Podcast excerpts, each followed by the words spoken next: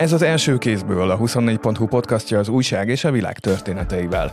Én Pál Zsombor vagyok, és ma egy olyan ajánlatot hoztam, amit nem akarnátok visszautasítani, csak nektek nem fogja felajánlani senki. Na most az a cég, amelyiktől kibérelték ezt a, az ingatlant, azért teljesen frissen alakult, mindössze 3 millió forintos törstőkével elindult cég, és hát ennek a tulajdonosi köre, ahogy említetted, hogy NER közeli vagy neres, akik aztán hát ugye 5 plusz 5 évre bérbeadták a teljes ingatlant az egyetemi csoportnak, illetve ennek a honvédelmi cégnek. Ez az újonnan alakult cég ezt megvásárolja ezt az ingatlant, de még a megvásárlás előtti pillanatban már kibér kibérlik a egyetemi alapítvány és az oda átpakolt cégek, és a konstrukció végén egy feltehetően nem túlságosan nagy befektetéssel ez a neres üzleti kör lesz a tulajdonos. És miközben az ember, azaz kollégánk a mindjárt bemutatandó két milliárdos ingatlan tulajdonosait nézegeti, olyan váratlan gyöngyszemeket is találhat, mint a vagyonkezelő alapítvány, amelynek létrehozói ugyan magukra gondoltak, de az egész NER kiáltványának is beillene, ahogy a céljaikat megfogalmazzák. A magas színvonalú életminőség biztosítása és taxatíve felsorolja, hogy az utazásoktól kezdve a járművek biztosítása, magas szintű egészségügyi ellátás, kulturális programokon való részvétel, tehát tulajdonképpen minden olyat megfogalmaztak, ami egy magas színvonalú prémium élet biztosításához kell.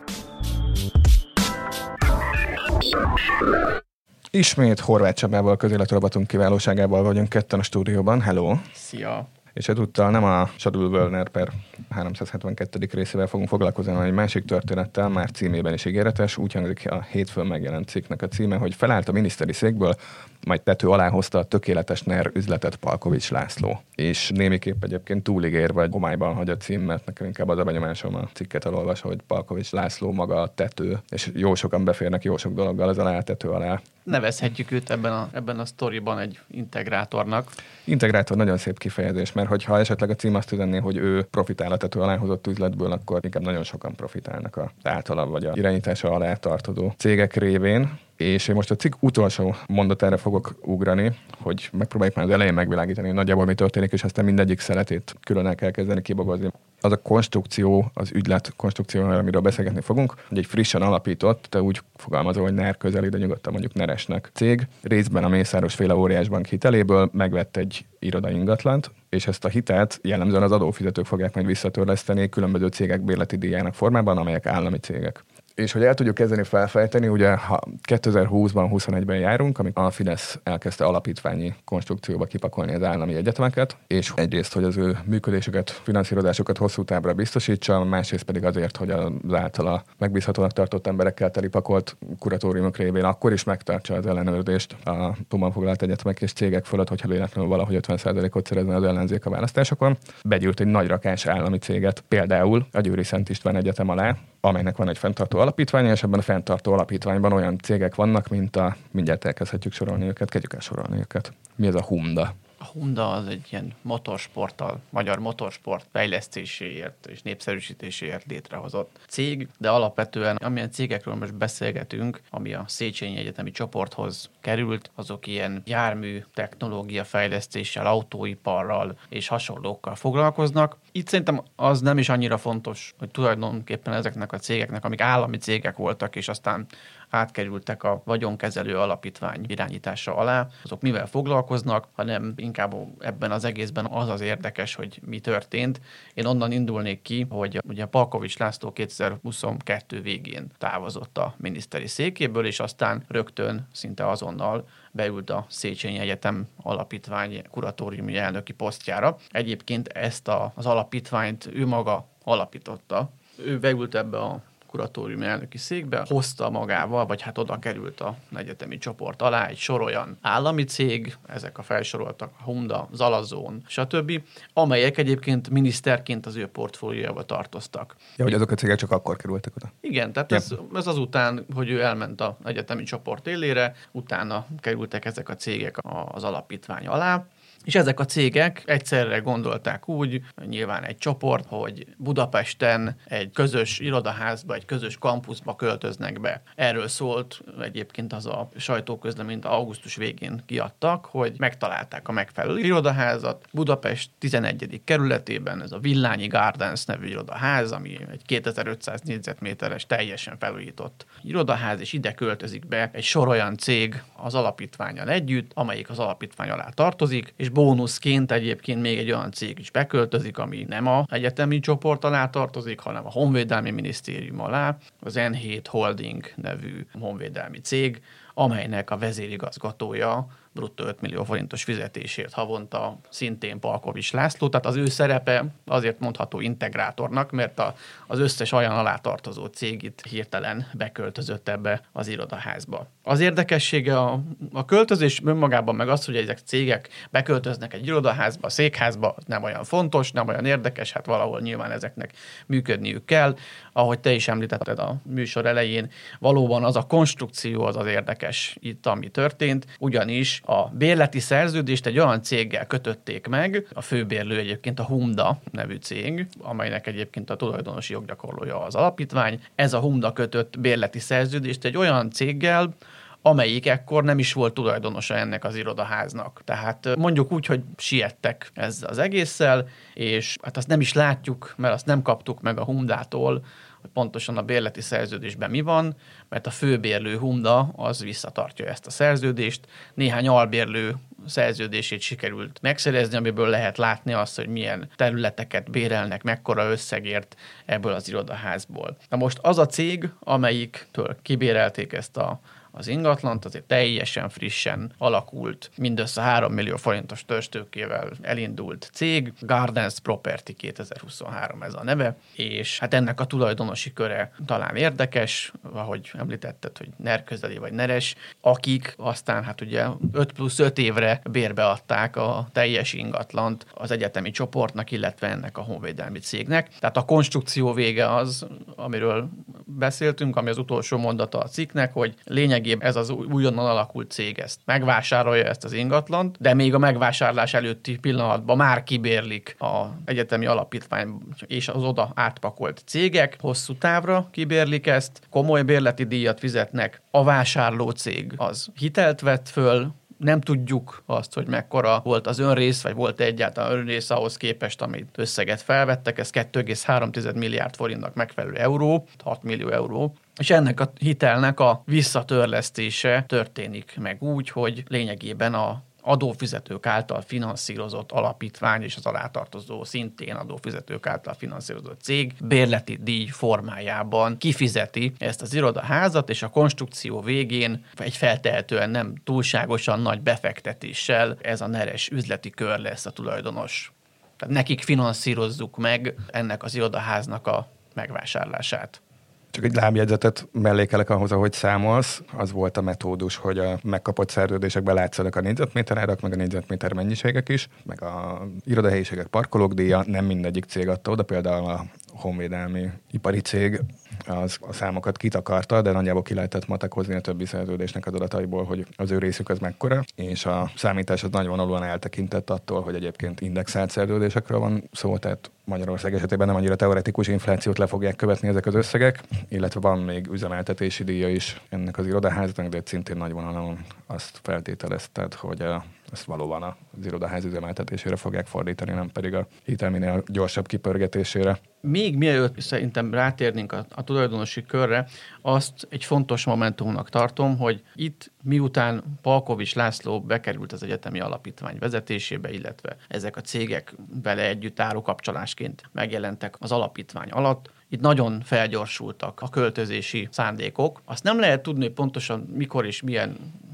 piackutatás előzte ezt az egészet meg, de az látható azokból a megkapott bérleti szerződésekből, hogy itt nagyon-nagyon siettek, ugyanis hát egyrészt látható volt, hogy ez a frissen alakult Gardens Property nem volt tulajdonosa a bérleti szerződés márciusi megkötésekor ennek az irodaháznak, de volt a szerződésben egy olyan klauzula, hogy ezt az irodaházat 2023. december 31-ig meg kell szereznie a Gardens Property-nek, és abban a nem várt esetben, hogyha nem szerzi meg a tulajdonjogot, abban az esetben elállhatnak a felek ugye a szerződéstől, ami azt gondolom, hogy nem lebecsülhető rizikó faktora ennek a történetnek, hiszen nyilván nem látunk bele persze, hogy akkor itt milyen megállapodások hogy köttettek, de azért elég hosszan elhúzódott a tulajdonjog bejegyzése, és hát valamekkora százaléknyi esélye volt annak, hogy esetleg nem sikerül megszerezni ezt az ingatlant, akkor pedig ez a sok cég, meg az alapítvány beköltözik egy olyan ingatlanba, amiből aztán kénytelen kiköltözni. Tehát ez a rizikó a szerződés alapján mindenféleképpen fennállt, és hát ugye márciusban kötötték meg a bérleti szerződést, miközben a cég az nem egészen egy hónappal korábban alakult meg egyáltalán. Egy pillanat, ha vár, mert ezt a cikkben sem teljesen tudtam kibogozni. Tehát, hogy azt mondjuk, hogy ha nem szerezte volna meg a Property Gardens 2023 addig, amikor megígérték, hogy meg kell szerezni, akkor ki kellene költözni ezeknek a cégeknek, de akkor volt egy párhuzamos szerződés az irodaháznak a korábbi tulajdonosával, tehát hogy kerültek volna bele a cégek, hogy aztán ki kelljen költözni abban az esetben, hogyha... Nem voltak. Egész egyszerűen a az kiderül a szerződésből, hogy a tulajdonos és a frissen alakult Gardens Property között lehetett egy olyan megállapodást, hogy ő már bérbe adhatja ezeket az ingatlanokat, hiszen meg fogja vásárolni ezt az ingatlant, és magában a bérleti szerződésben van egy olyan rész, hogy úgy fogalmaznak, hogy abban a nem várt esetben, hogyha nem sikerülne a tulajdonjogot megszerezni a Gardens Property-nek, akkor nyilván feltehetően az a vége, hogy akkor hát vagy megállapodnak valahogy a eredeti tulajdonossal, vagy pedig kiköltöznek.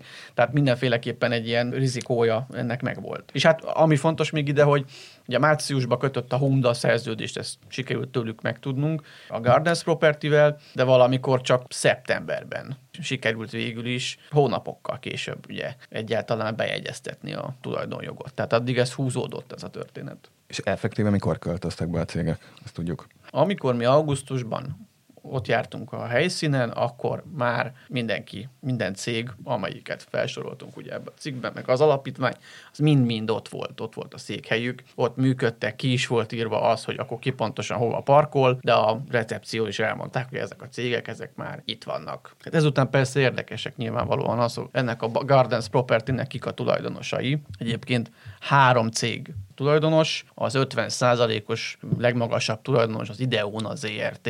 Ez egyébként az egyik legérdekesebb társaság. Az Ideon az ERT-t ilyen Veszprémi fidelitasosok alkotják a, a vezetését. A legérdekesebb személy köztük Mihalovics Péter, aki a Fidelitasnak volt az alelnöke valamikor, illetve elég fontos pozíciókat is betöltött, hiszen Navracsis Tibornak, illetve a Sesták miniszter úrnak is a kabinet főnöke volt, országgyűlési képviselő is volt, tehát ő egy ilyen eléggé jól kipróbált ember, illetve az ő ő Veszprém illetőségű, ott a Veszprémi Fidelitásból indult, és még két Veszprémi Fidelitásos van ebben az ideón az ERT-ben, amelyiknek a tulajdonosa egyébként egy nagyon izgalmas vagyonkezelő alapítvány lett. Ez a vagyonkezelő alapítvány, ez olyan célokat határozott meg, amelyekkel azért ritkán találkozni alapítványi célok megtekintésekor. Ez a abszolút a kedvenc részem a cikkben, úgy hívják őket, hogy márvány vagyonkezelő alapítvány, de nyugodtan lehetne Habzsi Dőzsi alapítvány is. Idézel azokból a csodákból, amik a célkitűzések között szerepelnek? Igen, tehát itt tulajdonképpen azt írták le az alapítvány céljai közé, hogy a mindenkori vagyonnak, a, ebben az alapítványba bekerült mindenkori vagyonnak a gyarapítása a cél a kedvezményezettek számára. Tulajdonképpen a jólét fenntartása biztosítása, tehát a magas színvonalú életminőség biztosítása, és taxatíve felsorolja az utazásoktól kezdve a járművek biztosítása, magas szintű egészségügyi ellátás, kulturális programokon való részvétel, tehát tulajdonképpen minden olyat megfogalmaztak, ami egy magas színvonalú prémium élet biztosításához kell. Tehát itt nem is nagyon köntörfalaznak, ezt az alapítványt azért hozták létre, hogy generációkon átívelő jólétet biztosítson a kedvezményezettek számára. Nekem eszembe jut erről egy komplet politikai rendszer, aminek mint hogyha pontosan ugyanezek lennének a céljai. Igen, ez egy NER kiáltvány is lehetne egyébként. Na most az Ideónán kívül két másik kisebbségi tulajdonosa van a cégnek. Az egyik társaság egy Kaut András nevű üzletemberhez köthető. Ő annyiban érdekes, hogy ő Tibor István volt üzlettársával, Páratillával volt nagyon szoros üzleti kapcsolatban. Pár Attila ugye egy győri üzletember, tehát nyilvánvalóan onnan ismerhetik egymást, de a másik kisebbségi tulajdonosa, az is egy cég, az még érdekesebb, ez egy nyíregyházi illetőségű társaság. A tulajdonos ügyvezetőt Filip Gyulának hívják, az ő személye pedig azért fontos, mert az ő fia, itt Filip Bálinnak hívnak, az maga a Győri Egyetem elnöke. Tehát itt azért mindenféleképpen van egy ilyen, hát egy összeférhetetlenségnek tűnő rész, hiszen hát ugye a kedves édesapa a résztulajdonosa a társaságnak, ahol beköltözött a fenntartó. Filip Bálintot egyébként meg is tudtuk szólaltatni ebben a cikkben. Ő semmilyen erkölcsi, morális agáját nem látta annak, hogy az édesapja tulajdonos ebben a cikkben. Hova tovább? Ő javasolta egyébként a fenntartó alapítvány részére, hogy ezt az irodaházat is tekintsék meg, hiszen ez olyan adottságokkal bír, amit pont ilyet keres a alapítvány meg a cégei, tehát ez tökéletes lesz, és egyébként azt is hozzátette, hogy azért is jó ez, meg megbízható, mert hogy ismerős volt a tulajdonosi kör. Na most az, hogy az édesapján kívül kire gondolt, azt már nem árulta el, de feltehetően a többi tulajdonost is valahonnan ismeri ő.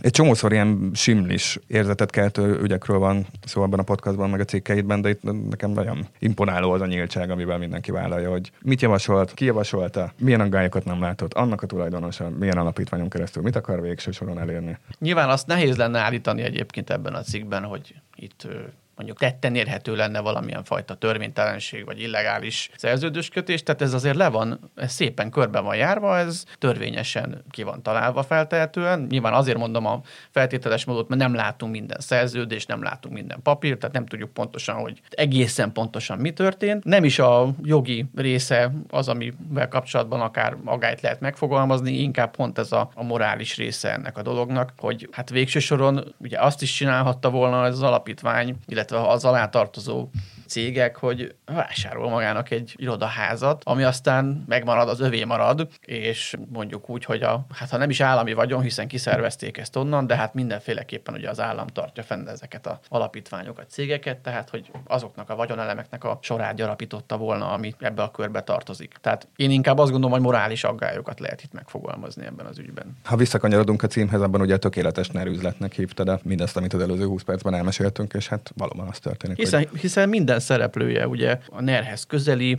és minden szereplőjenek megvan ugye a maga leosztása, hogy éppen ki mit csinál, mindenki NER közeli, tehát tényleg az a helyzet, hogy a, miniszteri, a Fideszes miniszteri posztból átült Palkovics László vezényletével ezt kibérlik ezt az ingatlant, amit éppen megvásárol egy Fideszes kör, amit a Fidesz közeli Orbán Viktor közeli Mészáros Lőrinc bankja megfinanszíroz. Itt talán, hogyha egyetlen egy vesztese lehet ennek a történetnek, az aki fizeti a számlát a végén, tehát ez, ez ugye nem más, mint a, az adófizetők, hiszen ők finanszírozzák ezt az egészet, és hát végső soron ez egy ilyen közpénzek transformálása, ami történik, hiszen megfinanszírozza a vásárlását ennek a Gardens Property-nek a magyar államkassa és az adófizetők. Tehát ez egy szép neres körforgás, hogy úgy mondjam. Szerencsére példa nélküli mint ahogy olyat se láttunk, hogy valami jogászok által tökéletesen le van papírozva, a végén magánemberek gyarapodnak a közpénzből, és ezzel a legfeljebb morális aggályokkal lehet élni, de jogi támadással nem. Még egy érdekesség egyébként, hogy amit még lehetne firtatni ezzel a cikkel kapcsolatban,